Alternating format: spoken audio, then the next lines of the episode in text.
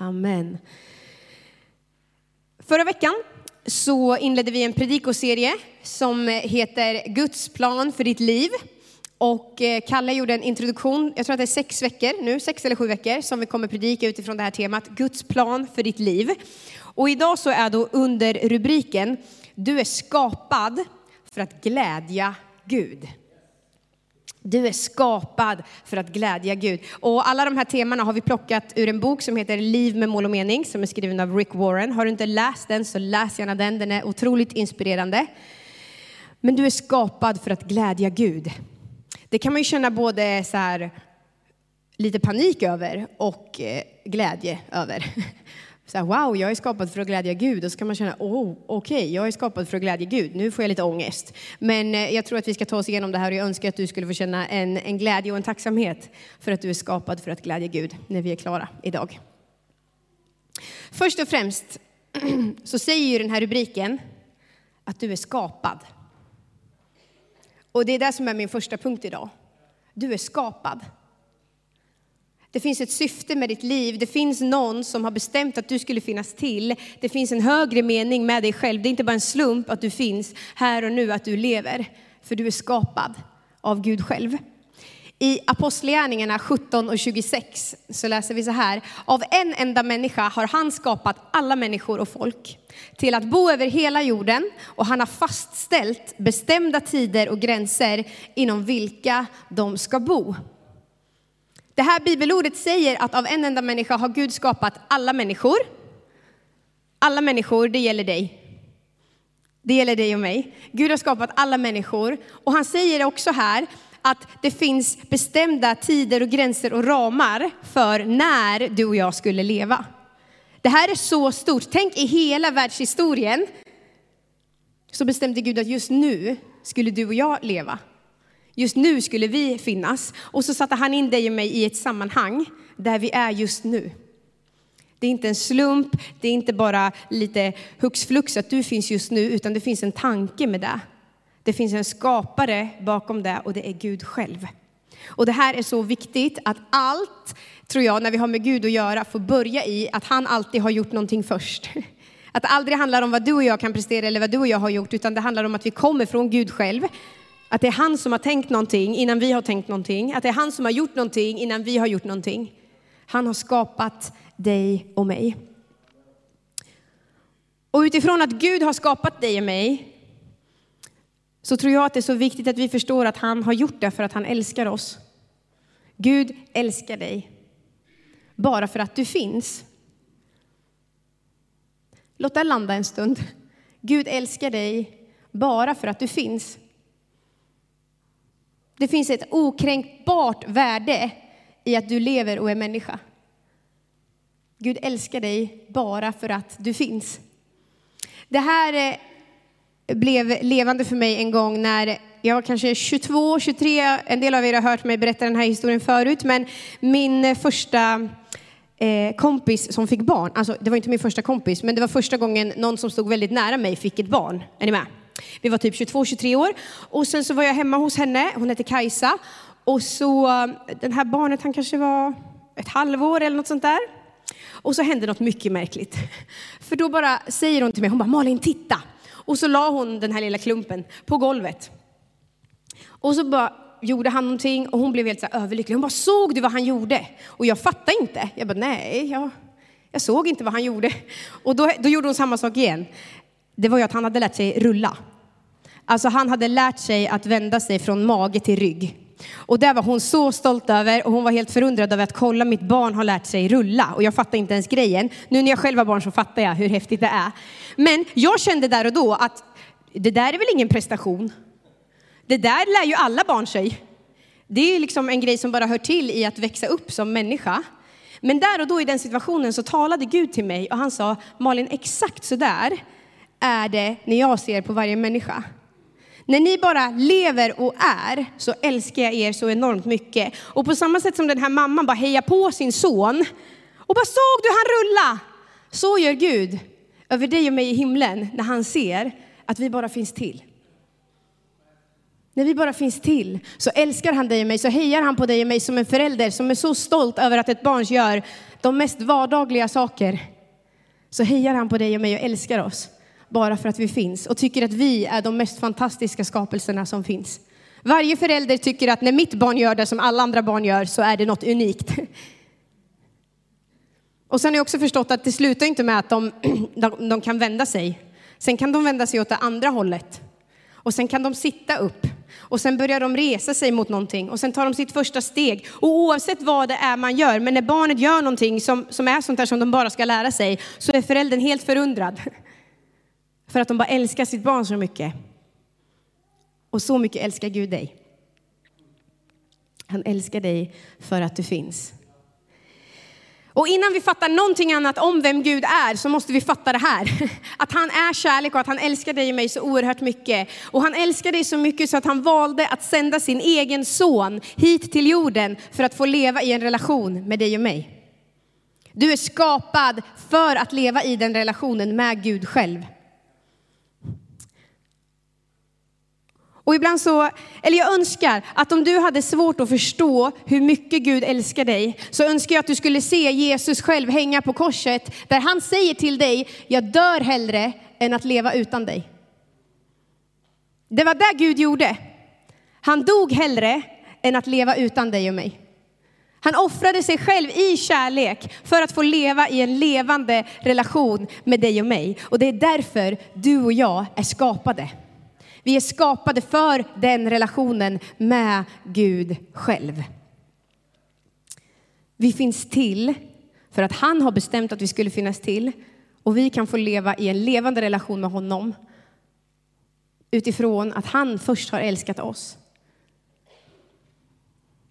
Okej, okay, så du är skapad. Men så sa vi också att vi är skapade för att glädja Gud. Först och främst så är Gud glad bara för att du finns. Okej? Okay? För han har skapat dig. Så han är glad bara för att du finns. Men det finns ytterligare dimensioner av det här. Vi är skapade för att glädja Gud och då är ju frågan, men vad gör Gud glad då? Hur gör man Gud glad? Då behöver vi lära känna Gud för att förstå vad som gläder honom. Jag vet vad som gör Gabriel, min man, glad, för jag känner honom. Jag visste inte det när jag inte kände honom. Jag vet vad som gör mina barn glada, för jag känner dem. På samma sätt så kan du och jag få lära känna Gud så vi vet vad som glädjer honom. Där vi inte behöver gå runt och gissa och fundera, vänta nu, gör jag Gud glad? Eller det här kanske inte var det Gud hade tänkt. Utan när vi känner honom, när vi lever i den här levande relationen med honom själv, då vet vi det. Då vet vi vem Gud är och vi vet vad som glädjer honom. Ibland så känns det som att vi har mer koll på vad som inte gör Gud glad. Det är vi väldigt duktiga på att ha koll på. Istället för att fokusera på vad är det som gör Gud glad. I psalm 147 och 11 läser vi så här. Herren har sin glädje i dem som vördar honom, som hoppas på hans nåd. Här står ju i Bibeln vad som glädjer Gud. Det står att Herren har sin glädje i de som vördar honom, de som hoppas på hans nåd. Okej, okay, så Gud har sin glädje i de som vördar honom. I nubibeln så står det, Herren glädjer sig över de som fruktar honom och hoppas på hans nåd. Okej, okay, så Gud glädjer sig över de som vördar och fruktar honom. Då är frågan, vad betyder att vörda och frukta någon? Det betyder att man respekterar honom. Det betyder att man tillber honom. Det betyder att man lyder honom. Att man ärar honom, det är att vörda någon, att frukta någon. Men då är det så lätt att du och jag tänker, okej, okay, att frukta Gud, att vörda honom, det handlar om att jag hela tiden måste försöka lite mera. Det handlar om att om jag bara lyckas göra allting rätt i alla situationer och lyda Gud, då är han nöjd med mig. Då gör jag Gud glad. Och så blir istället vördnad och fruktan, det är någonting som föds utifrån att vi är rädda för Gud. Men det är inte den vördnaden, det är inte den fruktan som Bibeln talar om. Utan jag tror att den vördnad och den fruktan som Bibeln talar om, det är den vördnaden som föds utifrån en kärlek till vem Gud är. Vi måste läsa hela bibelordet, för vi läste så här. Herren gläd, har sin glädje i dem som vördar honom, som, vadå? Hoppas på hans nåd. På dem som hoppas på hans nåd. Alltså de som vet att det handlar inte om vad jag kan göra, vad jag kan prestera, utan det handlar om vem han är och vad han redan har gjort. Det är det som är Guds nåd. Guds nåd är Guds, liksom, eh, vad säger man, kärlek som aldrig sviker. Guds nåd som gör att du och jag får komma till Gud i livets alla situationer, som gör att vi får komma med våra problem, med våra bekymmer. Vi får alltid komma till Gud precis som vi är, där vi är, och han förlåter oss. Det är det som är Guds nåd. Och när det får landa i våra liv, då leder det till en vördnad för vem Gud är. Är ni med? Om någon var med i alla fall, det är bra. Ja, men det här är så viktigt. Vi vördar inte Gud, vi fruktar inte honom för att vi är rädda för Gud, utan vi vördar honom för att vi har fattat vem han är, för han har bevisat det i sin nåd. Och de gånger när vi inte räcker till, då får vi hoppas på hans nåd. I den engelska översättningen så står det så här, The Lord delights in those who fear him, who puts their hope in his unfailing love. Alltså han glädjer sig över dem som sätter sitt hopp till hans unfailing, eh, all, kärlek som aldrig sviker. Tack. Gud glädjer sig över dem som vördar honom och hoppas på, sätter sin tro till hans nåd. Gud glädjer sig över dem som har fattat vad det är. Att det är nåd och bara nåd som gör att vi får komma till Gud. Hans kärlek som aldrig sviker, som gör det möjligt. Om du tänker på människor i din omgivning som du kanske vördar eller ser upp till eller respekterar. Jag tror att det finns sådana människor i ditt liv. Det finns många människor i mitt liv som jag ser upp till, respekterar och vördar. Men jag gör ju det för att de på något sätt har bevisat det för mig. De människor som vi liksom i, i den här världen vördar, de har liksom de har åstadkommit någonting, de har lyckats med någonting eller de har på ett eller annat sätt bevisat att de är värd våran respekt, eller hur? Låt oss då tänka på vad Gud har gjort. Vem han är och allt han redan har gjort. Han har skapat dig och mig. Han var inte nöjd med att inte ha en levande relation med dig och mig, så han offrade sig själv i kärlek för att vi skulle få komma till honom precis som vi är. När vi lär oss mer om vem Gud är och allt han redan har gjort, då vill vi vara honom. Då vill vi respektera honom för allt han redan har åstadkommit och allt han redan har gjort. Vet du, om Gud aldrig mer gjorde någonting för dig och mig, då skulle han ändå vara värd våran vördnad. Vad sa hon nu? Jo, jag sa att om Gud aldrig mer skulle göra någonting för dig och mig, men det kommer han göra för han är så god, men om han aldrig mer gjorde det så skulle han ändå vara värd våran tacksägelse och våran vördnad. För han har gett oss möjligheten att komma till Gud. Och det är ingenting som han liksom behöver förnya eller behöver göra om och göra om, utan det var ett fullkomligt offer när Jesus stod på korset. Och det, den vägen står alltid öppen. Det är det största som någonsin har hänt mänskligheten och det kommer aldrig hända någonting större. Att Gud själv offrade sig för dig och mig och vi får komma till honom av nåd. Och om inte det här väcker en vördnad i oss inför vem Gud är, då vet jag inte vad som ska göra det. Faktiskt. Det här väcker en vördnad i våra hjärtan. Och det är det här jag tror leder till en livsstil av tillbedjan. Och det är det som är min sista punkt idag. Min första punkt var att du är skapad för att Gud älskar dig och han vill att du ska finnas till för att leva i en levande relation med honom själv där du förstår hur mycket han älskar dig. Punkt två, vi är skapade för att glädja Gud. Och när vi förstår vem Gud är och allt han redan har gjort för oss, då leder det till en tillbedjan i mitt liv. Och det är min tredje punkt en livsstil av tillbedjan. Som kommer utifrån att jag fattar vem Gud är och allt han redan har gjort. Och utifrån det så väljer jag att leva ett liv i tillbedjan till honom. Om det börjar i den andra änden, att jag tänker att nej men först och främst så ska jag skärpa mig lite till, jag ska göra lite bättre, jag ska lyckas lite mer, jag ska kunna lite mer och då kommer Gud bli glad med mig.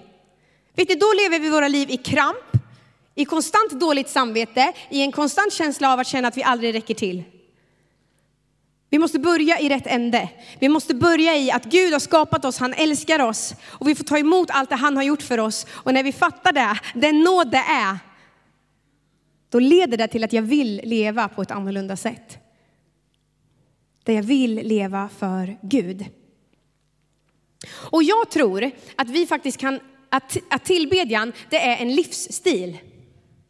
Tillbedjan tänker vi ibland är, jo men det är ju när vi sjunger i kyrkan och när vi ber till Gud, då tillber vi Gud. Och det gör vi, det är en viss typ av tillbedjan. Men det är bara en liten, liten del av vad tillbedjan är för någonting. Tillbedjan är inte en viss musikstil eller en viss typ av bön, utan tillbedjan är när hela mitt liv får peka på vem Gud är. Alla områden i våra liv kan vi ära Gud med. Och alla områden i våra liv kan vi också göra motsatsen med. Ursäkta. Jag tror att vi kan tillbe Gud med vår ekonomi. Precis som Kalle, jag tycker det var en briljant bild där med måttet rågat och packat. Och jag, vill inte, jag vill inte tillbe Gud med min ekonomi med ett kryddmått. Bibeln talar otroligt mycket om hur du och jag förvaltar våra pengar faktiskt. Det är få ämnen som Jesus pratar så mycket om som pengar. Läs evangelierna och se vad Jesus säger om pengar. Och om du vill tillbe Gud med din ekonomi, då får det också bli en verklighet i våra liv. Där vi tar till oss det han lär oss och lever utifrån det. Att ge till församlingen, det är att tillbe Gud. Vi kan tillbe Gud med hur vi pratar. Med vilka ord jag låter komma ur min mun, inte bara när jag pratar om vem Gud är och allt han har gjort, utan hur jag pratar om andra människor, hur jag bemöter andra människor, om jag talar ord som lyfter upp eller ord som trycker ner. Med mitt språk kan jag tillbe Gud. Tala ord av uppmuntran, tala ord av uppbyggelse. Jag tror att vi kan tillbe Gud med våra relationer. Med mina vänskapsrelationer och med våra kärleksrelationer. När vi väljer att, eh, att ingå äktenskap till exempel, då gör vi det för att tillbe Gud. Det är därför vi har en vigselgudstjänst i kyrkan. För att vi tror att det är Bibelns sätt, alltså det är de ramar Gud har satt upp för att en man och en kvinna ska leva i evig trohet till varandra. Och när man säger sitt ja till det och lovar det inför Gud, då tillber man Gud. Det är stort. Det är en tillbedjan till Gud att välja att leva på det här sättet. Vi kan tillbe Gud med att vara generösa med allt han har gett oss. Generösa i, i vad vi gör med vår tid, med hur vi prioriterar, med allt det goda Gud har gett oss. Så kan vi välja att tillbe Gud genom att inte bara låta det stanna hos mig, utan att det ska få betyda någonting för andra människor. Det tror jag är att tillbe Gud som en livsstil. Jag tror att vi kan tillbe Gud genom att vara en del av en levande församling. För att Gud har sagt i sitt ord att när vi tar emot Jesus Kristus, då blir vi en del, alltså vi, vi kopplar ihop med Gud, men vi kopplar också ihop med varandra. Han säger att vi är en kropp tillsammans. Och när jag då väljer att låta mitt liv vara en del av en levande församling, då tillber jag Gud. Vi kan tillbe Gud med alla områden i våra liv. Vi kan ge allt i vårt liv till honom och säga Gud, använd mig. Låt mitt liv få präglas av dig. Låt mitt liv peka på dig. Jag blev frälst när jag var 20. Eh, och då tyckte jag det var ganska svårt att veta så här, ja men hur ska man leva sitt liv egentligen och vad är rätt och vad är fel och hur vet man? Och jag ville verkligen leva för Gud. Jag ville tillbe Gud med hela mitt liv. Och jag pratade jättemycket med min ungdomspastor där i början om hur vet man vad som är rätt och fel. Och, och han sa så här, men Malin, dels så har Gud gett dig den helige ande. Och han är din inre kompass. Du kommer på något sätt känna i ditt liv vad som är rätt och vad som är fel. Och ibland så känner man det inte förrän det är för sent, men då finns Guds nåd. Men så läste han ett bibelord för mig i Kolosserbrevet 3 och 17 som för mig blev ett så bra bibelord. Där står det så här, och allt vad ni gör i ord eller handling, gör det i Herren Jesu namn och tacka Gud Fadern genom honom. Allt vad ni gör i ord eller handling, gör det i Herren Jesu namn. Och så sa min pastor så här till mig, men Malin när du är osäker på om du ska göra eller hur du ska bete dig i en situation, prova om det går att säga i Jesu namn efteråt. Jag bara, aha. Ja men går det att snacka skit i Jesu namn? Nej. Går det att köra för fort i Jesu namn? Ja. När jag eh, flyttade hemifrån då fanns det något som hette tv-licens. Den har man ju tagit bort nu, men det var liksom en skatt man skulle betala för att man hade en tv hemma. Och då ringde det någon från Skatteverket antar jag och frågade så här, hej har du en tv? I så fall så ska du betala tv-licens. Och när, den där, när jag fick det telefonsamtalet, då hörde jag det här bibelordet. För jag ville ljuga. Man hade bara kunnat säga, nej jag har ingen tv och då behövde man inte betala den där skatten. Hej, har du en tv? Det gick ju inte att ljuga i Jesu namn. Det gick inte, så jag bara, ja, jag har en tv och jag ska betala den där skatten. Jesus sa också att vi ska först ge kejsaren det som tillhör kejsaren och det betyder att vi ska betala våra skatter, okej? Okay? Och sen så ska vi ge Gud det som tillhör Gud. Och man kan ju tycka att det här blir liksom lite löjligt det här bibelordet, men för mig så var det jätteviktigt. Och det funkade för mig. När jag var helt ny i min tro och inte visste vad jag fick och inte fick göra, men jag visste att jag ville tillbe Gud med mitt liv. Och då funkade det för mig att säga i Jesu namn i slutet på vad det nu var jag funderade på om jag fick göra eller inte. Kunde man planka på bussen i Jesu namn? Det var också en sån där grej. Eller planka på tåget eller vad det nu var. Jag hade inte samvete sen till att kunna göra det. Men du, du får lägga ditt liv i Guds händer och så får han tala till dig, okej? Okay? Jag tror att vi kan välja att leva i tillbedjan till Gud med alla områden i våra liv. De små sakerna till de stora sakerna. Och det handlar om att vi vill vara äkta. Inför varandra, absolut, men framförallt inför Gud. Att inte bara stå här inne i kyrkan och säga, jag vill tillbe dig med mitt liv Gud, och sen så går vi ut och gör någonting helt annat. För Gud är alltid med dig. Gud ser dig inte bara här när vi är i kyrkan, utan han, han vet allt om dig. Eh, vi sjunger en sång ibland och vi ska sjunga den sen som heter Jag vill ge dig och Herre min lovsång. Och då går texten så här, jag vill göra mitt liv till en lovsång till dig. Där var ton ska en hyllning till dig bära. Det är en stor bekännelse. Men där vi säger att jag vill att varenda andetag i mitt liv, varenda steg jag tar ska få vara en ära till Gud. Varje ton som mitt liv spelar ska få peka på vem Gud är och, vem, och vad han har gjort. Och då är det ju lätt att känna så här, bara, ah, nej men då lyckas jag ju inte. Vet ni, det gör inte jag heller. Det finns områden i mitt liv där jag känner att det där blev en falsk ton. Det där var inte rätt. Och vad är det vi måste komma ihåg då? Jo, det är att vi, eh, Herren glädjer sig över dem som fruktar honom, som hoppas på hans nåd.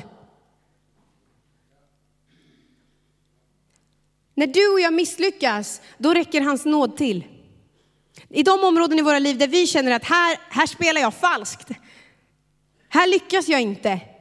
Då får vi komma till Gud och han förlåter oss. Han renar oss ifrån all orättfärdighet och vi får börja om tillsammans med honom.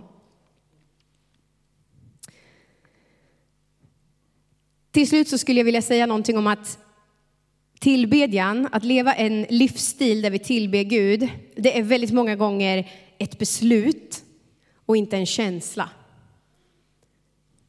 Det är någonting vi väljer att göra utifrån vem Gud är och allt han redan gjort för oss.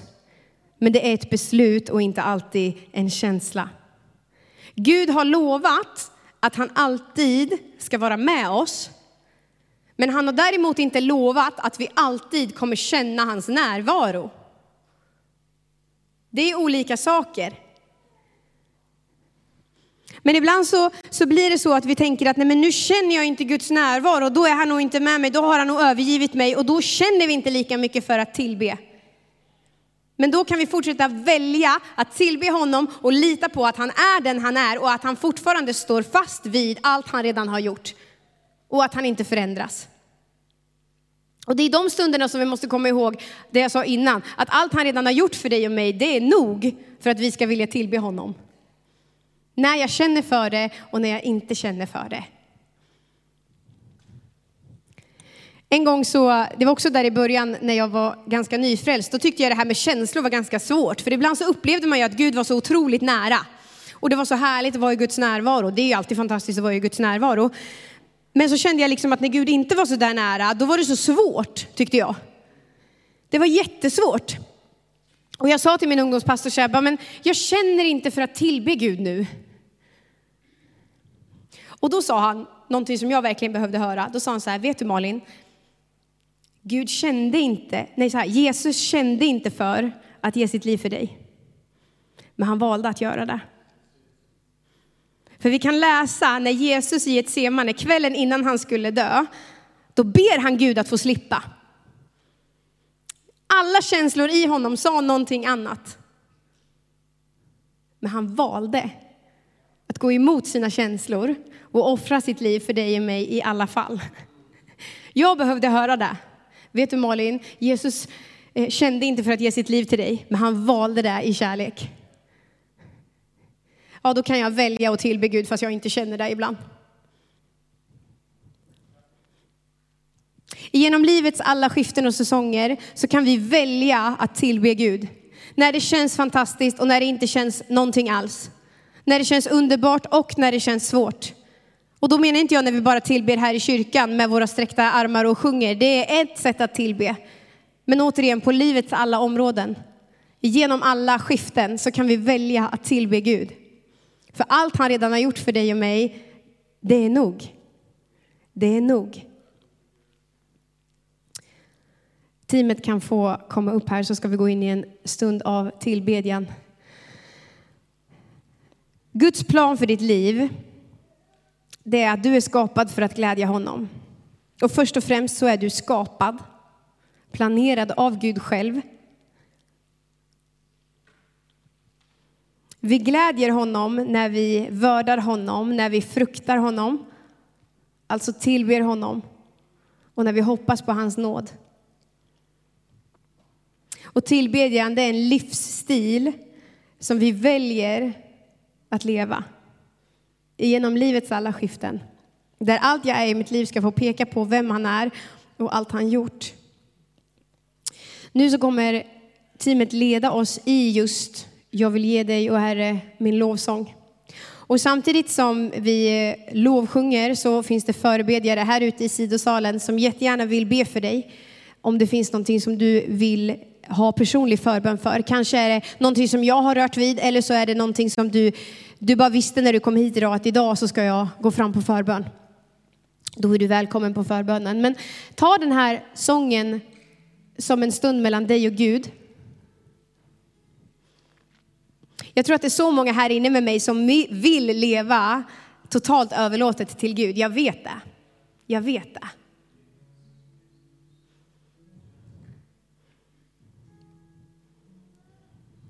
Men låt oss ta några minuter nu och bara fundera på vad de här orden faktiskt innebär. Jag vill leva mitt liv som en lovsång till dig, där var ton ska en hyllning till dig bära. Kanske finns det då en ton som du känner, ja men den där tonen, den ärar inte Gud. Då ska du minnas vem han är. Att han är nådefull. Och att han älskar dig. Och att han vill i så fall lyfta det där av dig. Att det här kan få vara förmiddagen när han stämmer om just det området av ditt liv så att även den tonen får stämma överens med vem han är. Ska vi be tillsammans? Herre, jag tackar dig för, för att du har skapat oss. Jag tackar dig för att du älskar oss. Jag tackar dig för att du glädjer dig över oss när vi fruktar dig och när vi hoppas på din nåd, Herre. Tack att vi får hoppas på din nåd. Herre, vi tackar dig för allting som du gjort. Herre, tack för att du hellre gav ditt liv än att leva utan oss. Och Herre, jag ber för dem här inne just nu som, som kanske har svårt att förstå det här med hur mycket du älskar dem, Herre Jesus. Där tron hela tiden blir lagisk, där tron hela tiden blir krav, dåligt samvete. Gud, jag ber att det här skulle få vara förmiddagen när du bara kramar om dem så hårt. När de får förstå att du älskar dem, när de ligger som barn på en filt och bara vänder sig. Så älskar du dem bara för att de finns. Aldrig för vad vi presterar eller inte presterar. Du älskar oss bara för att vi finns. Tack Jesus för det.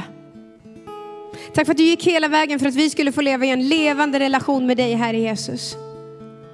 Och Herre, tack att vi just nu får komma precis som vi är, där vi är i våra liv, till dig, Herre Jesus. Gud, vi vill överlåta oss till dig på nytt. Vi vill att våra liv ska få vara en tillbedjan till dig. Vi vill att människor ska se på våra liv att du finns där. Att vi tror på dig, att vi tillhör dig, Herre Jesus. Nu ger vi resten av den här förmiddagen till dig och ber om din välsignelse. I Jesu namn. Amen.